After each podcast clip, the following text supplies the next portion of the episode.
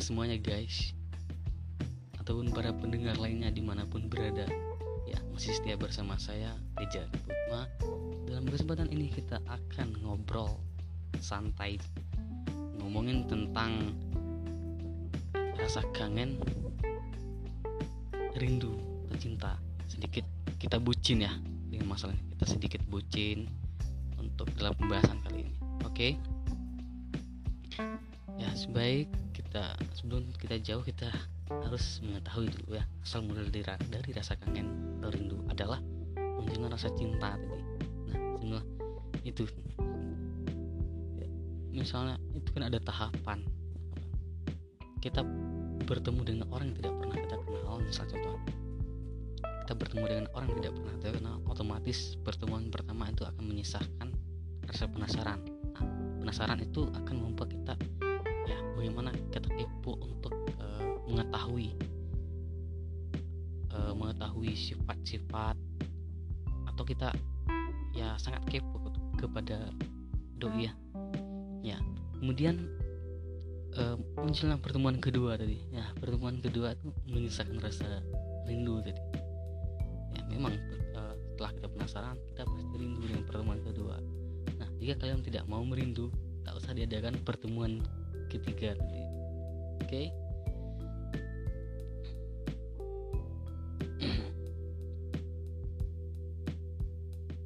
ya baik. Sebelum kita jauh pembahasan kita akan ngomongin tentang dua kata yang mirip ya. Kadang-kadang orang uh, persepsi orang tuh kangen dan rindu tuh sama. Ya sekarang kita coba jelaskan ya. Rindu mempunyai dua arti yang kurang lebih memiliki makna yang sama terhadap rindu. Ya ter, uh, terhadap kangen ya. ya. Rindu sangat itu artinya memiliki keinginan buat bertemu. ya. Jadi rindu itu memiliki keinginan kuat untuk bertemu.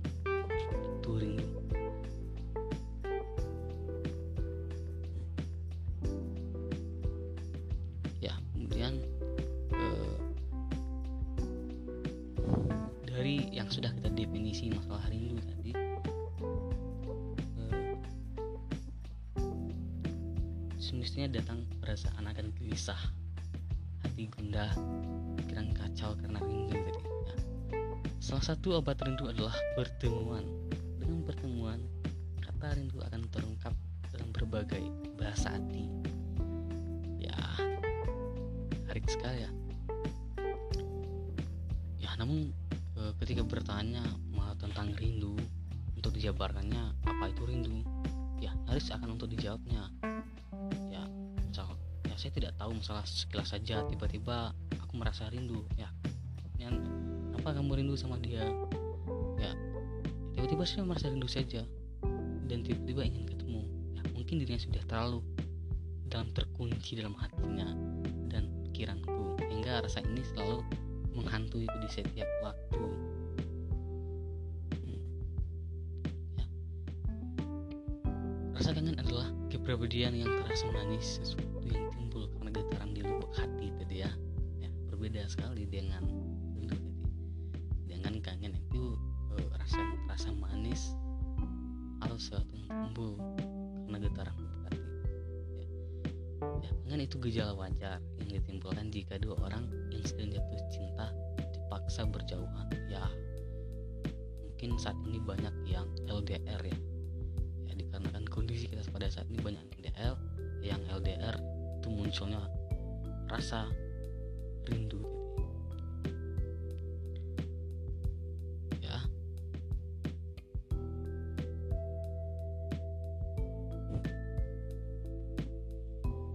rasa rindu pada pasangan memang tidak bisa tergantikan oleh siapa pun oke? Ya pastilah pernah rasakan rindu kepada doi ya. Rasa rindu itu tidak pernah tergantikan oleh siapa pun. Ketika seorang pria dan wanita tengah jatuh cinta, akan ada ikatan emosional yang berkaitan dengan yang disebut dengan hormon tadi yang menjadi kunci dari kesetiaan seorang pria. Ketika seorang pria tengah menjalin komitmen dengan pasangannya maka dia cenderung akan menciptakan jarak fisik dan juga mental pada wanita yang tidak tahu yang tidak atau bukan pasangannya. Lalu apa obat rindu? Ya, ya kemudian juga bisa kita lihat dari buku The Sign of Kissing ya karya dari Cyril Kishenbaum jadi ya, mengatakan bahwa kedekatan fisik dapat memicu hormon cinta pada taraf maksimal sehingga seseorang melakukan kontak fisik dengan orang yang mereka rindukan itu akan sangat melegakan tadi ya. Ya kembali lagi saya tegaskan di sini ya, ya jangan sampai mempersamakan antara rindu dan kangen ya. Ketika kita udah lama nggak ketemu ya kita ya ketika kita udah lama nggak bertemu kata rindu dan kangen adalah dua kata yang dipakai buat menggambar perasaan. Sekelas memang sama dan pesan bisa tersampaikan sempurna. Misalkan uh, ya saya, saya beri gambaran sekarang ya atau saya bertanya kepada uh, pendengar. Hmm. ya ketika kita udah lama nggak ketemu itu kalian kangen atau rindu sama saya? Gitu kan? Pasti masih persepsi yang sama tentang kata rindu dan kangen ya. Masih ada persepsi yang sama sini ya. Ya baik. Ya sekarang kita tekan tekankan di sini ya. Namun dibalik rindu dan kangen ya kita sendiri tahu nggak kalau sebenarnya dua kata itu berbeda? Jika selama ini kita pikir sama jadi penggunaan rindu dan kangen itu adalah salah satu yang bikin dua kata ini berbeda. Oke. Ya pertama untuk bedanya rindu itu situasional. Kayak lagi di kereta lihat pemandangan ya atau sunrise itu jadi baper. Ya kalau kangen tuh bisa kapan saja. Perlu ada momen yang khusus yang sudah saya bahas di pengantar yang pertama tadi. Karena rindu tuh uh, mengingat momen yang istimewa tadi. Itu kangen. Kalau rindu itu situasional ya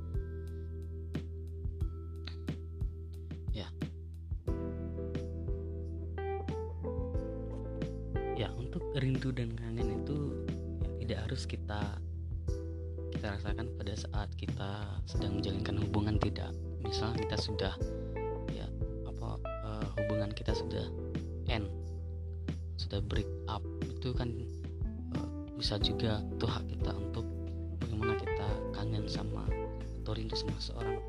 Itu hak kita jangan contoh uh, kita tidak berhubungan lagi sama dia. Kita masih uh, lihat-lihat fotonya ya atau masih nyimpan foto-fotonya itu termasuk dari merindukan dia ya, bukan kangen berarti merindukan dia. Karena situasi yang tadi merindukan dia. Ya kemudian kan ya eh, dalam untuk ya dalam aspek bucin itu tadi kan rindu eh, rindu kangen cinta jangan sampai itu berakhir ya. Ya untuk mendengar yang masih setia sama pasangannya jangan sampai ini berakhir buangkan sifat egoisnya. Karena sifat egois itu menghancurkan segalanya. Kenapa saya bilang menghancurkan segalanya? Ya karena orang yang egois itu dia menganggap apa keputusan yang dia ambil tuh uh, selesai semuanya. Semuanya itu itu yang harus kita hindari dalam untuk teman-teman atau pendengar yang masih menjalin hubungan dengan kekasih. Ya, ya jangan sampai ada sifat egois. Nah egois ini adalah sifat yang tumbuh. Itu yang saya katakan tadi. Kita ya untuk dari misal ciri-ciri dari uh, misal pasangan kita yang egois itu kan selalu mau menang sendiri selalu ingin didengarkan. Jadi untuk egois itu memang harus kita hindarkan. Ya dia merasa apa keputusan yang diambil itu benar. Ya tidak memikirkan keinginan dan kebutuhan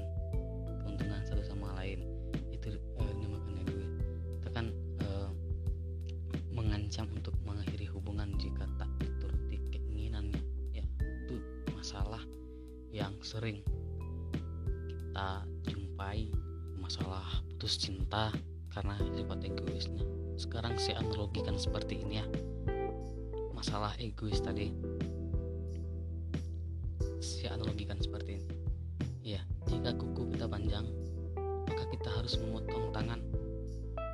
Tidak kan kita harus memotong kuku. Begitu juga dalam hubungan tadi. Ya dalam hubungan tadi apabila ada sebuah masalah sama-sama kita selesaikan. Masalahnya diselesaikan bukan hubungannya diselesaikan. Itu itu yang salah kepada banyak yang menjalin hubungan. Itu kan bagaimana hubungan analogi seperti tadi? Ya apabila kuku kita panjang ya masalah kuku kita yang panjang yang harus kita potong tuh kuku ya bukan. Tangan kita.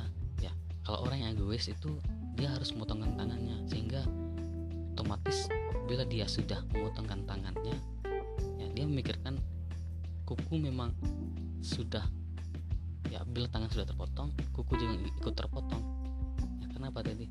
Dia ingin mengambil keputusan sendiri dan tidak eh, ya nanti bisa akan menyesal untuk orang-orang yang egois ya ya begitu dalam hubungan yang saya kaitkan dengan analogi saya tadi e, cinta tadi ya. Apabila masalah muncul di hubungan itu yang kita selesaikan masalah. Selesaikan masalah bagus-bagus ngomong baik-baik ya itu yang harus kita selesaikan. Bukan ya, tapi, ya bukan hubungannya yang diselesaikan. Ya kalau orang egois hubungannya yang diselesaikan. Menurutnya dia mau menang sendiri. Menurutnya tuh kalau hubungan sudah selesai otomatis masalah itu selesai. Begitu juga analogi saya.